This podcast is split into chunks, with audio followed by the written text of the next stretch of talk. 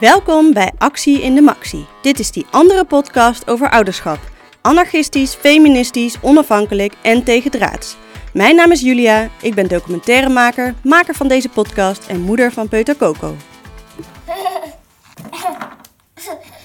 Welkom bij deze tweede aflevering van Actie in de Maxi. Met als thema gender en feminisme in de opvoeding van je kinderen. Een superbelangrijk en interessant thema voor mij persoonlijk. ehm, waar ik mij eigenlijk voordat ik zwanger werd, tijdens de zwangerschap en, eh, op, en nu ik een kind heb, eh, veel mee bezighoud, veel over nadenk en het ook veel over heb met mensen. Eh, er zijn ook best wel wat dingetjes waar ik dan soms tegenaan loop. Eh, bijvoorbeeld mensen die denken dat mijn dochter een jongetje is en, en eh, dat dan ook zeggen. En de vraag die dan bij mij rijst of ik ze moet verbeteren of niet. Want het maakt mij immers niet zoveel uit. Ehm, en als ik ze dan verbeter, dat mensen zich vaak heel schuldig en rottig voelen. Ehm, wat natuurlijk helemaal niet nodig is. En hoe je daar dan weer op reageert. Wat ook interessant is, is dat er dus best wel wat vriendinnen van mij zijn die eh, zeggen: wacht maar tot jouw kind ook een Frozen prinses wil zijn. Want dat willen alle meisjes op den duur. Daar heb je zelf eigenlijk helemaal geen eh, invloed op. Uh, en nu heb ik eigenlijk voor deze podcast een aantal gesprekken gehad met ouders um, over dit soort thema's. En daaruit blijkt dat dat toch echt niet altijd zo hoeft te gaan zoals veel mensen denken.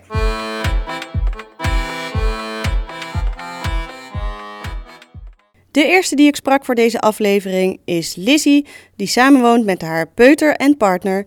Um, en juist wel graag wilde weten welk gender het kindje in haar buik had.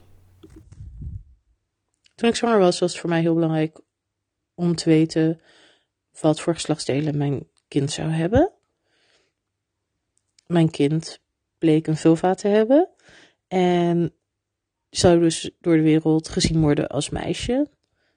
Um, ik vond het belangrijk om dat te weten, omdat ik tijd nodig had om me daarop voor te bereiden.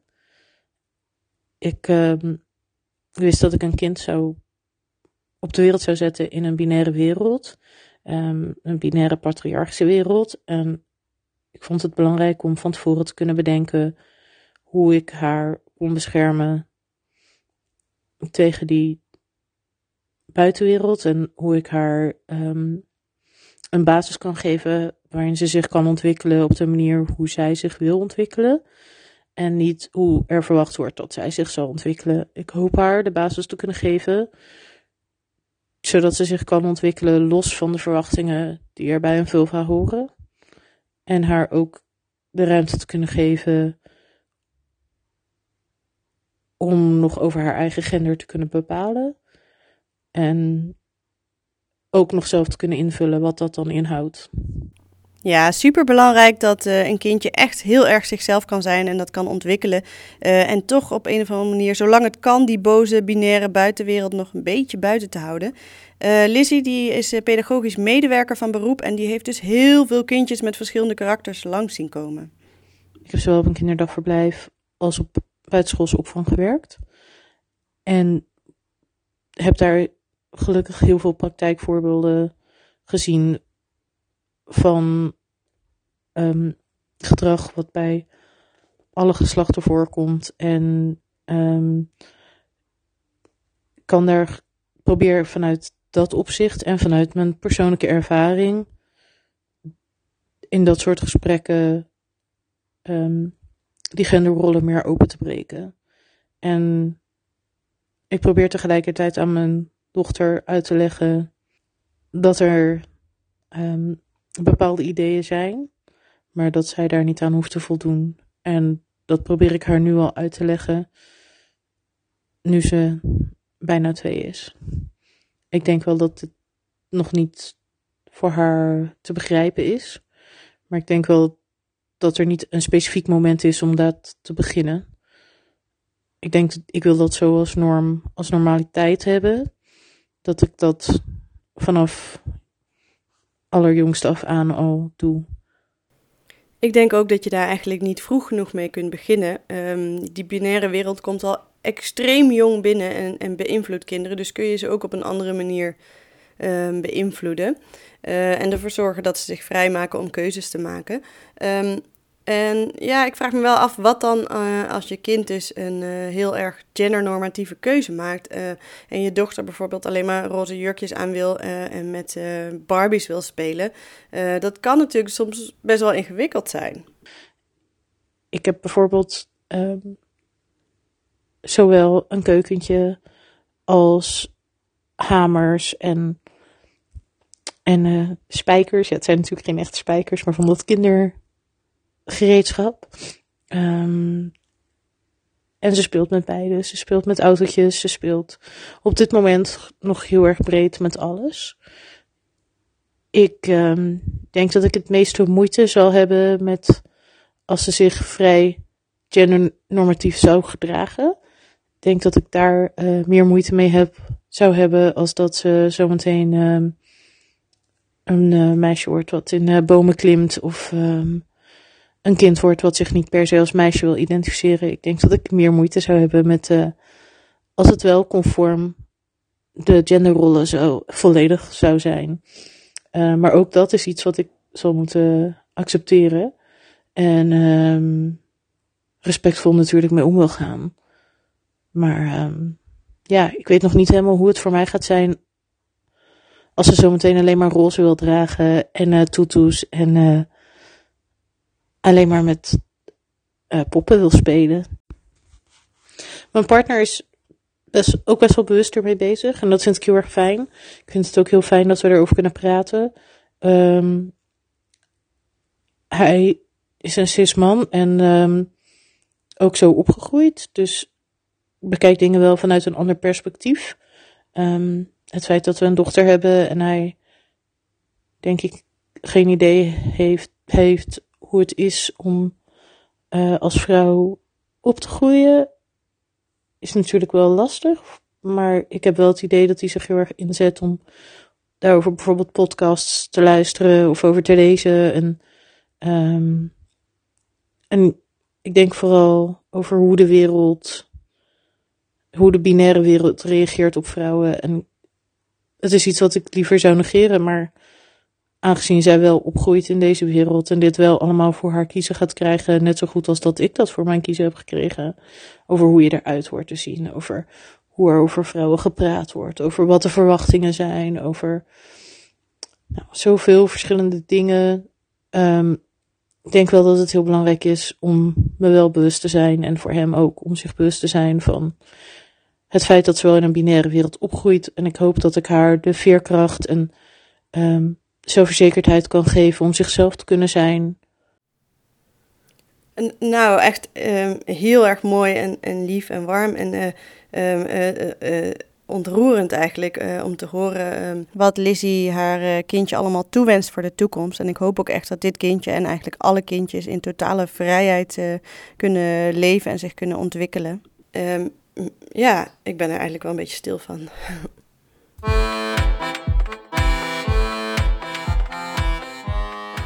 Ja, dat brengt me bij mijn volgende gesprekspartner, Annabel, die samen met haar uh, partner en kindje, zoontje van uh, bijna twee, um, samenwoont en een tweede kindje verwacht. Um, en zij heeft wel wat interessante mijmeringen over um, ja, uh, dingen die ze zo dagelijks meemaakt, die te maken hebben met het, de opvoeding van een jongetje. ik was in een speeltuin en er waren allerlei andere ouders en allemaal kinderen allemaal van Elliot's leeftijd, zo peuter. En die waren allemaal aan het spelen met. Uh, er hadden twee kinderen. Eén had een vrachtwagen en de andere had zo'n graafmachine. En iedereen dook daarop en alle. Nee, dit waren toevallig allemaal jongetjes, wilden daarmee spelen.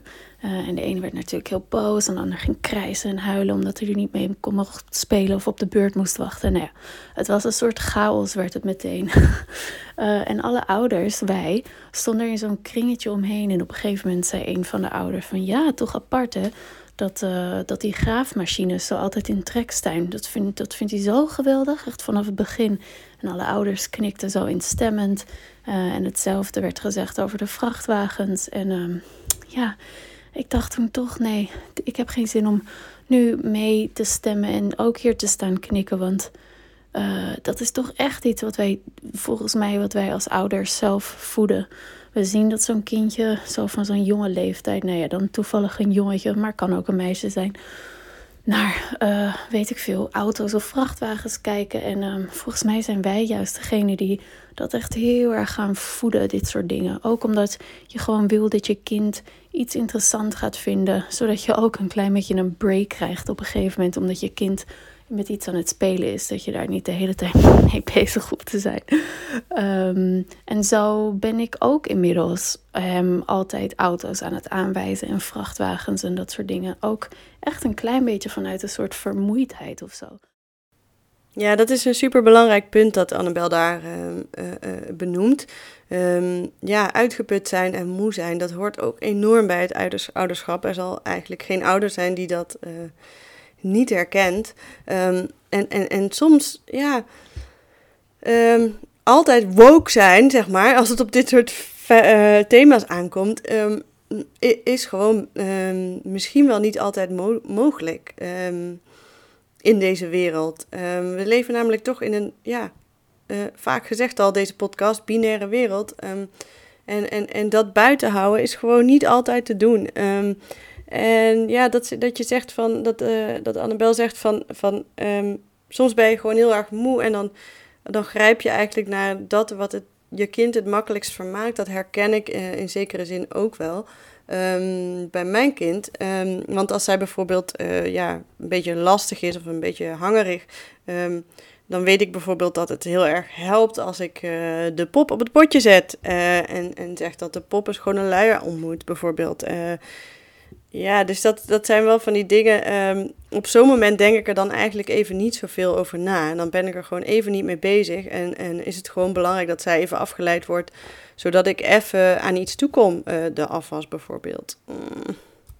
Maar ik denk dat we heel snel geneigd zijn om bijvoorbeeld ja, te denken in termen als stoer meisje, meisje, meisje, uh, softe jongen. Uh, ja, en je kan je afvragen, is dat nu rond deze leeftijd zo erg? Maar uiteindelijk als je deze lijn doortrekt, ja, dan denk ik dat toch wel. We hebben als maatschappij helemaal niets aan om, uh, om op deze manier te blijven denken. Ik denk dat het um, misogynie in stand houdt, uh, ongelijkheid. Ik denk ook dat mannen hier helemaal niets aan hebben. Mm, en ik vraag me dan ook wel af, ja, waar gaat het nou echt om? Hoe, hoe voed je een kind feministisch op? Hoe voed je een jongen feministisch op? Um, en ik denk dat, ja, vooral later dat als, um, als mijn kind, als mijn zoon vraagtekens plaatst bij seksistische opmerkingen, mensen daarop aanspreekt. Of als hij uh, informatie op het internet tegenkomt. En uh, ik vind het eigenlijk heel schrikbarend hoeveel uh, misogene dingen daar voorbij komen. Um, dat hij dat niet zomaar voor lief neemt, maar dat er ergens een alarmbelletje gaat rinkelen en dat hij bij zichzelf nagaat of gaat vragen aan ons um, wat dit soort dingen betekenen. Um, ik uh, hoop ook echt dat we veel ruimte maken uh, op het moment dat we echt met elkaar kunnen communiceren, kunnen praten over dit soort dingen, om gesprekken te hebben over gelijkheid. Um, uh, hoe dat eruit ziet. Van gendertegelijkheid tot iedere vorm van gelijkheid. En ja, ik, uh, ik hoop dat ik gewoon geen nare, vervelende, arrogante on en uh, niet empathische jongen in de wereld zet. Want um, daar hebben we natuurlijk helemaal niets aan. oh, maar dat, eh, eh, ja, dat moet haast wel goed komen met uh, Annabels zoon. Want ja, met een moeder die um, zo ontzettend nadenkt over dit soort thema's en situaties bevraagt en zelfkritisch is, um, wordt het vast een hele lieve en stoere en fijne en empathische um, feministische jongeman. Eén ding wat me de laatste tijd ook wel opvalt maar misschien heeft dat een beetje met bubbel te maken. Ik lees er ook wel eens over in de krant of ik kom het tegen op het internet. Bijvoorbeeld dat hele moederhart wat er nu de laatste tijd al een beetje in het nieuws was. Um, is dat misschien vanuit een soort hang naar zingeving, um, duiding. Dat mensen best wel op zoek zijn naar spirituele diepgang. Maar dat er soms ook bij komt kijken mensen heel erg in van die termen als masculien, feminien gaan praten. En daar altijd heel gehaast bij zeggen dat uh, in iedere persoon, uh, dat iedere persoon masculien of feminien kan zijn. Ehm, maar dan bijvoorbeeld onder dat feminine, weet je wel, vind je weer van die dingen als zorgzaam, empathisch, bla bla bla. Altijd allemaal van dat soort dingen, mannelijk, agressie, et cetera, et cetera. En uh, ja, ik denk dat we daar gewoon helemaal niks aan hebben. um, dat deze manier van denken, dat, dat, dat zwart-wit denken of gewoon dat mannelijk tegenover vrouwelijk, dat dat zo uh, uh, overeind blijft. En dan denk ik bijvoorbeeld ook hoe het is om, uh, ja, om voor het eerst moeder te worden. En hoe snel mensen ja, ook dat label moeder op je plakken. En met dat label had ik zelf helemaal niet. Um, ik, ik vind het nog steeds eigenlijk heel gek om over mezelf na te denken als moeder.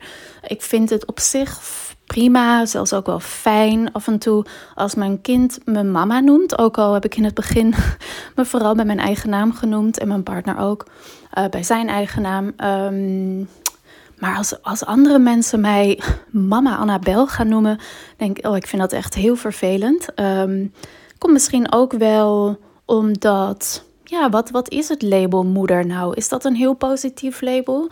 Aan de ene kant wel. Um, aan de andere kant, nou, ik weet niet of bijvoorbeeld uh, het heel, je het heel erg verder helpt als je denkt over waar je bent in je werk of banen of carrière. Nu zijn sommige werkplekken echt geweldig en uh, uh, geven ze hier ook ruimte voor. Maar ben je bijvoorbeeld een moedermoeder als je, nou ja, bijvoorbeeld als je net een kind hebt gekregen hier in Nederland, denkt: Weet je wat, ik ga gewoon wat meer vrijnemen voor mezelf. Dit is hartstikke heftig. Um, ben ik dan meteen een moedermoeder die haar hele carrière en andere plannen en dromen overboord gooit? Of kies ik op dat moment gewoon voor bijvoorbeeld wat goed voelt voor mij in dat moment? En um, kan ik dan nog steeds ook een ambitieus iemand zijn die, nou ja, drie maanden later aan het werk gaat? Wat in andere landen helemaal niet zo gek is. Sterker nog, dat is in andere landen hartstikke normaal. Tenminste in andere Europese landen om ons heen. Um, ja, en hetzelfde kan je weer zeggen over vaders, de huisvader, de zachte vader, de zorgzame vader.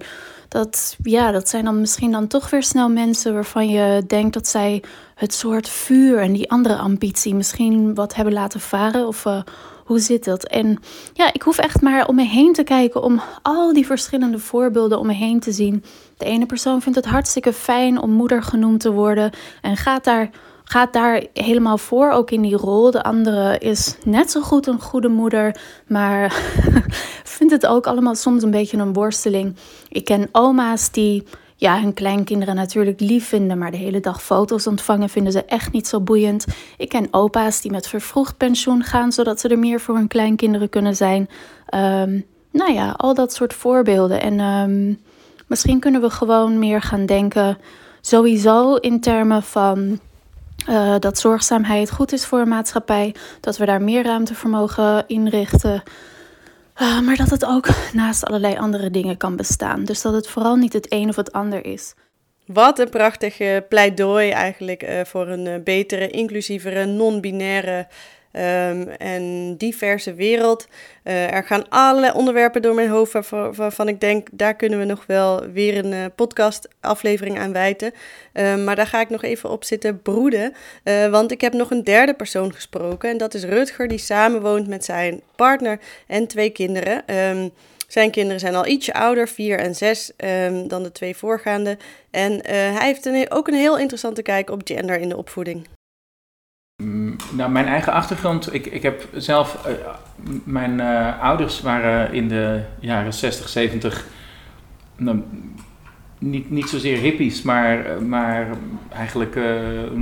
Ja, waren communisten in elk geval. Waren Maoïsten op een gegeven moment. En die, dus, die waren, dus die waren diep in de 60s, 70s. Hoewel dus niet zozeer aan de hippie-zijde, maar nogal erg politiek.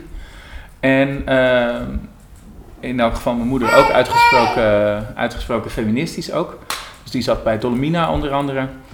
En um, nou ja, daar heb ik dus veel, uh, denk ik, denk veel van meegekregen. Oh, en even heel snel tussendoor. Uh, dit was het eerste gesprek dat ik live voerde in plaats van via audioberichten. Dus het zal misschien een beetje anders klinken, maar hopelijk ook beter. En ik had mijn dochter bij me die er af en toe doorheen roept en speelt. Ik denk dat ik dat zowel Roos als ik me ehm, nooit heel erg stereotyp. Ik denk dat Roos heeft zich nooit stereotyp vrouwelijk gevoeld. En, zo, en zoals ik het achteraf denk over mijn jeugd, denk ik. Uh, ja, ik bedoel, ik heb me. Ik, precies wat dat. Nooit dat ik mezelf uh, heel. Ik heb, ik heb mezelf nooit gedacht: oh, ben ik eigenlijk een meisje of ben ik een vrouw of zoiets dergelijks. Maar wat, wat dat hele ding was met jongen zijn en wat er dan van je gevraagd werd en hoe dat zich verhield tot uh, voetbal en auto's en dat soort dingen, dat begreep ik duidelijk niet als kind. Dus, dat, dus ik heb denk ik ook van kinds af aan heb ik de, de genderverdeling zoals die bestaat als vervelend ervaren. Uh, en uh, dus, dus al die dingen denk ik hebben eraan bijgedragen dat ik meen dat dit belangrijke thema's zijn. Dus ik geloof niet dat we daar bepaalde afspraken over hoefden te maken. Zo van wat vind jij, wat vind ik. Dat was denk ik wel duidelijk. En, uh, maar, maar hierover praat, praat je denk ik vanzelf wel. Of, of, of over mezelf sprekend, hierover praten we vanzelf wel. Want je komt natuurlijk gewoon in het dagelijks leven heel veel tegen. Dat er verwachtingen bestaan van hoe je met kinderen omgaat. Of hoe jij bent als ouder. En inderdaad dus als, als helder voorbeeld denk ik dat als je op een, gegeven, op een bepaalde leeftijd uh, bent als vrouw, er van je, eigenlijk van je uh, op feestjes en partijen aan je gevraagd wordt van uh, waar, waar gaat dat nog lukken met die kinderen of zoiets dergelijks, zeg maar.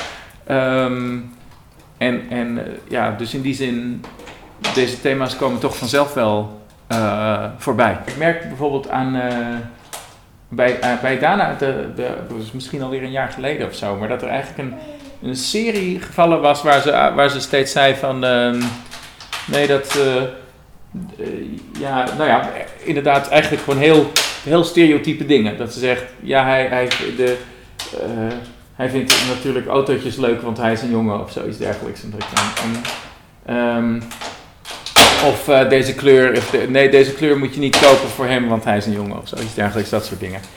Uh, maar, en dat ik dan dacht, hm, het is interessant en het komt ergens vandaan. Dus misschien van, misschien van iemand op school of wat dan ook. Niet dat ik me daar dan zorgen over maak. Want ik bedoel, het is ook niet... Ik heb natuurlijk niet de bedoeling per se om je kind af te schermen van de... Ja, je, je, kan, je kan een kind niet afschermen van het bestaande seksisme en, en allerlei stereotypen en zo. Dat, dat, dat kan denk ik ook niet je doel zijn om een soort... Uh, ja, helaas moesten we af en toe even ingrijpen omdat mijn dochter uh, als een bezetene door de Lego ging. Uh, en helaas heeft dat geluid af en toe even de overhand en is het daardoor toch niet zo goed verstaanbaar als ik had gehoopt. Um, Farah en Dana, um, die hebben allebei um, het grootste deel van de tijd meer uh, jongens dan meisjes als vriendjes en vriendinnetjes gehad meer vriendjes dan vriendinnetjes, of hoe moet je dat zeggen? En zich duidelijk ook wat meer gespiegeld aan de jongens in hun omgeving. Dus mijn, mijn idee was bijvoorbeeld, oh ik geef ze wat, uh, ik bedoel gewoon qua kleren bijvoorbeeld. Ik ga gewoon wat verschillende dingen door elkaar doen. En een jurkje en een, en een wat dan ook, weet je. Dus verschillende dingen en kleuren en, en zo. Maar bij hun was, beide wilden ze vanaf vrij, vrij jong min of meer, zodra ze oud genoeg waren om te zeggen wat voor kleren ze wilden, hadden ze geen zin in jurkjes. En ja, roze lukt soms wel, maar soms ook weer niet. Maar goed, dus roze lijkt nog soms wel te gaan. Maar jurkjes aan, daar hebben ze allebei duidelijk geen zin in. Dat probeer ik ook niet meer. Roze dingen probeer ik nog wel en dat lukt ook soms wel. Um, om het gewoon een beetje gemixt te houden op de een of andere manier. Het is onder andere om, gewoon omdat ze dan zo gelezen worden door de omgeving. Dus de mensen denken altijd dat het jongetjes zijn.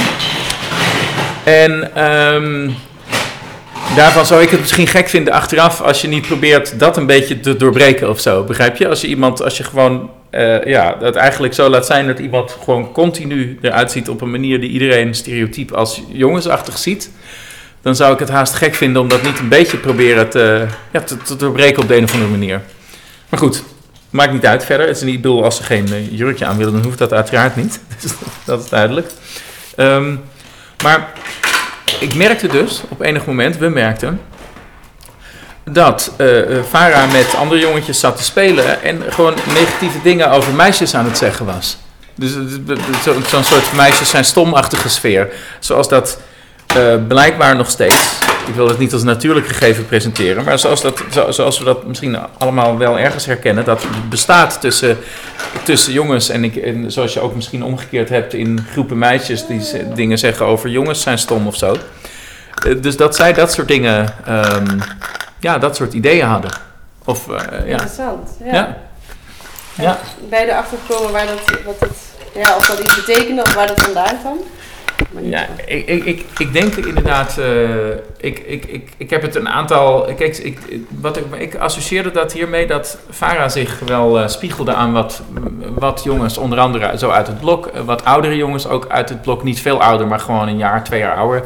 Dat scheelt al heel wat. Als je vier bent, dan is iemand van zes is behoorlijk oud of stoer of zoiets. En ja, van hen heb ik dat wel vaker gehoord, ook dit soort dingen. Uh, dus ja, gewoon vrij uitgesproken negatieve dingen over meisjes. Mhm. En ik hoor, merkte dus dat, dat Farah en, en ook een, buurjongetje hier dat soort dingen begonnen te herhalen. En daar hebben we het min of meer met ze over kunnen hebben. En dat heeft ook, geloof ik, wel geholpen. Dus volgens mij, ik geloof dat Farah nu zoiets niet meer, dat, dat soort ideeën eigenlijk niet zo heeft op dit moment. En ja, mij, op dat moment maakte ik me er een beetje zorgen over, omdat zij ook op dat moment meer bijvoorbeeld zelf zei: Nee, ik ben eigenlijk meer een jongetje of zoiets dergelijks. Ik vind het natuurlijk niet zorgelijk als dat uiteindelijk zo blijkt te zijn of zoiets.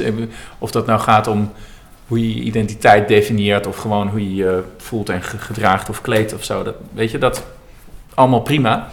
Maar ik maakte me er op dat moment een beetje zorgen over, omdat ik dacht, hmm, ze is hier gewoon iets aan het reproduceren van haar omgeving. Uh, ja, eigenlijk een, is eigenlijk een soort seksisme uit haar omgeving aan het reproduceren.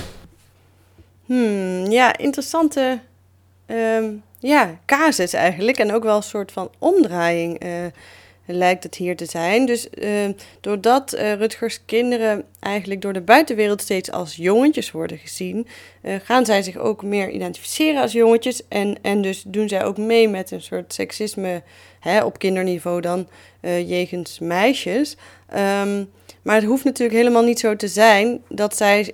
Um, dat zij zich echt identificeren als, uh, als jongetjes of, of meer jongensachtig.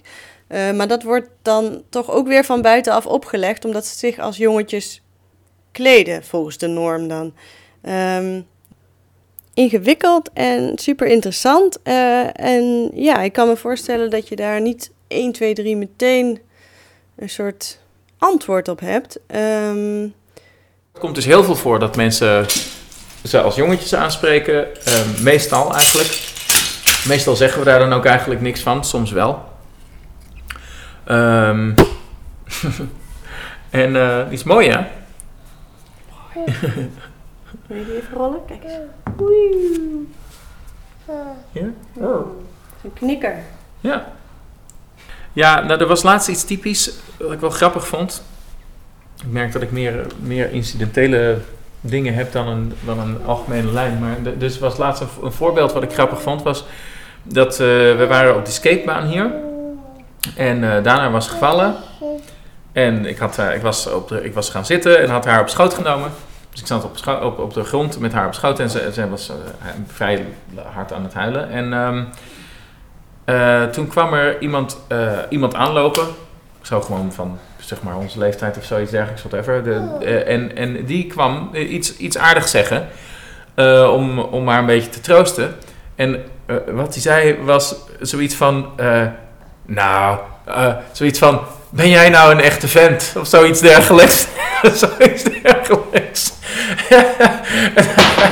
Weet je, met die, dus daarna zat daar natuurlijk met, ja, die had dus een soort van, die had een soort camouflage kleurig jek aan en dat soort dingen. En kort haar en nou ja, hoe dan ook. Dus dat. En dit was natuurlijk op zich vriendelijk bedoeld. Oh, het? Nou ja, op zich heel vriendelijk bedoeld, maar het is natuurlijk best wel erg eigenlijk.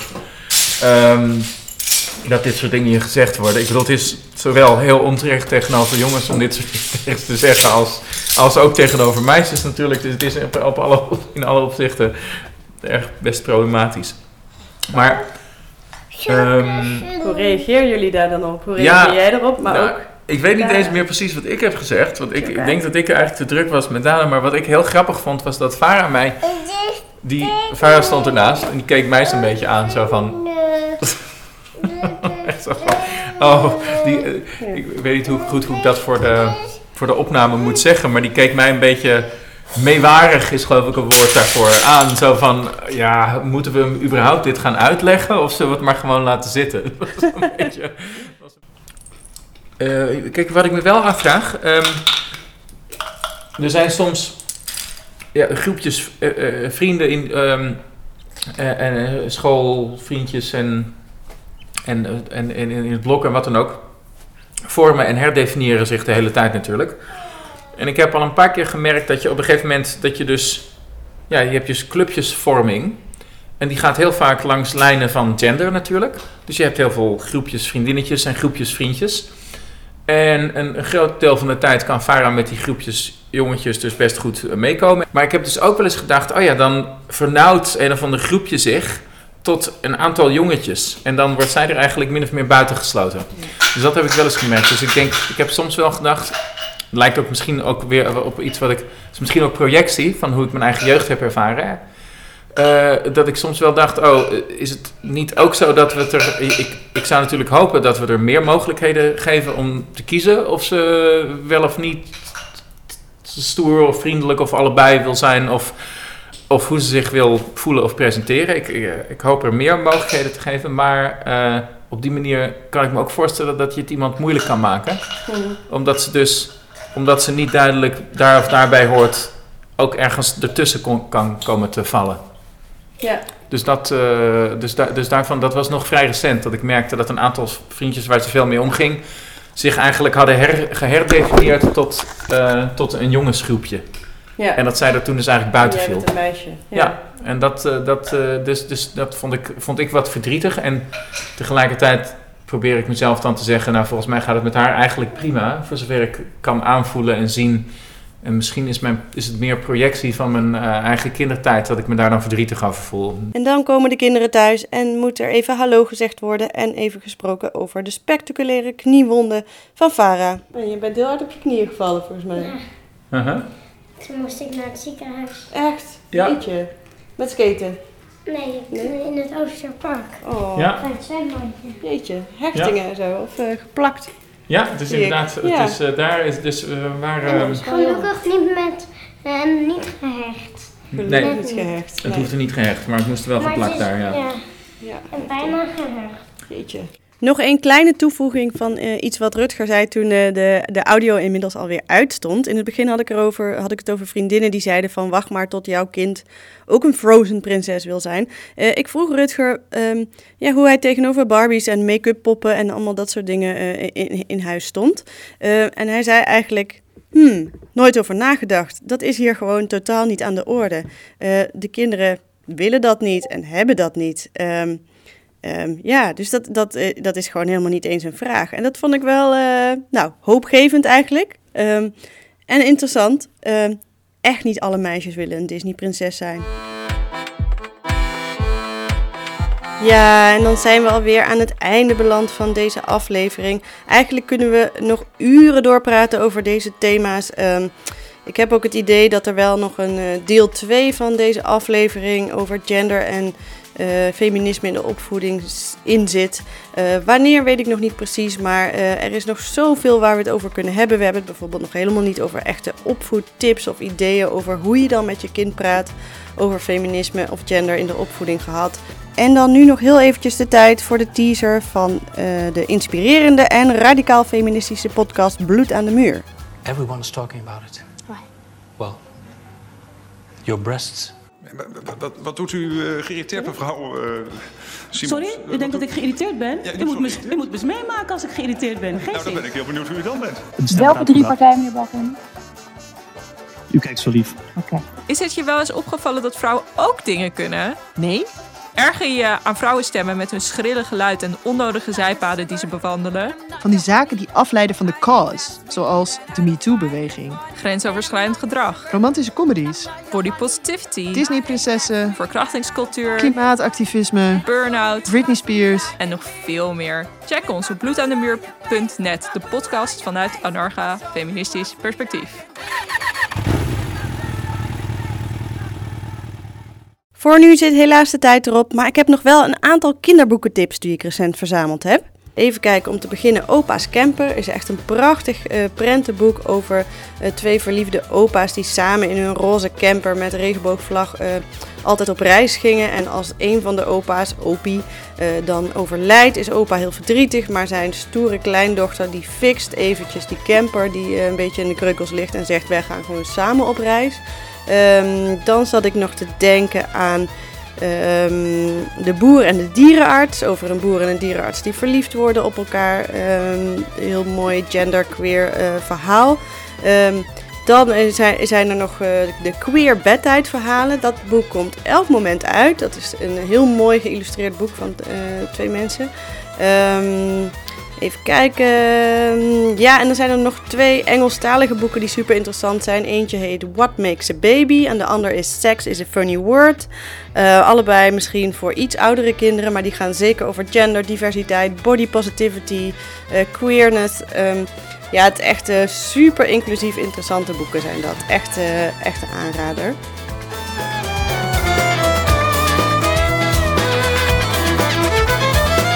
Super bedankt voor het luisteren naar deze aflevering van Actie in de Maxi. Volgende maand weer een aflevering. Aflevering 3 gaat over antiracistisch opvoeden. De muziek was van Kevin MacLeod, rechtenvrij onder licentie Creative Commons. Tot volgende maand.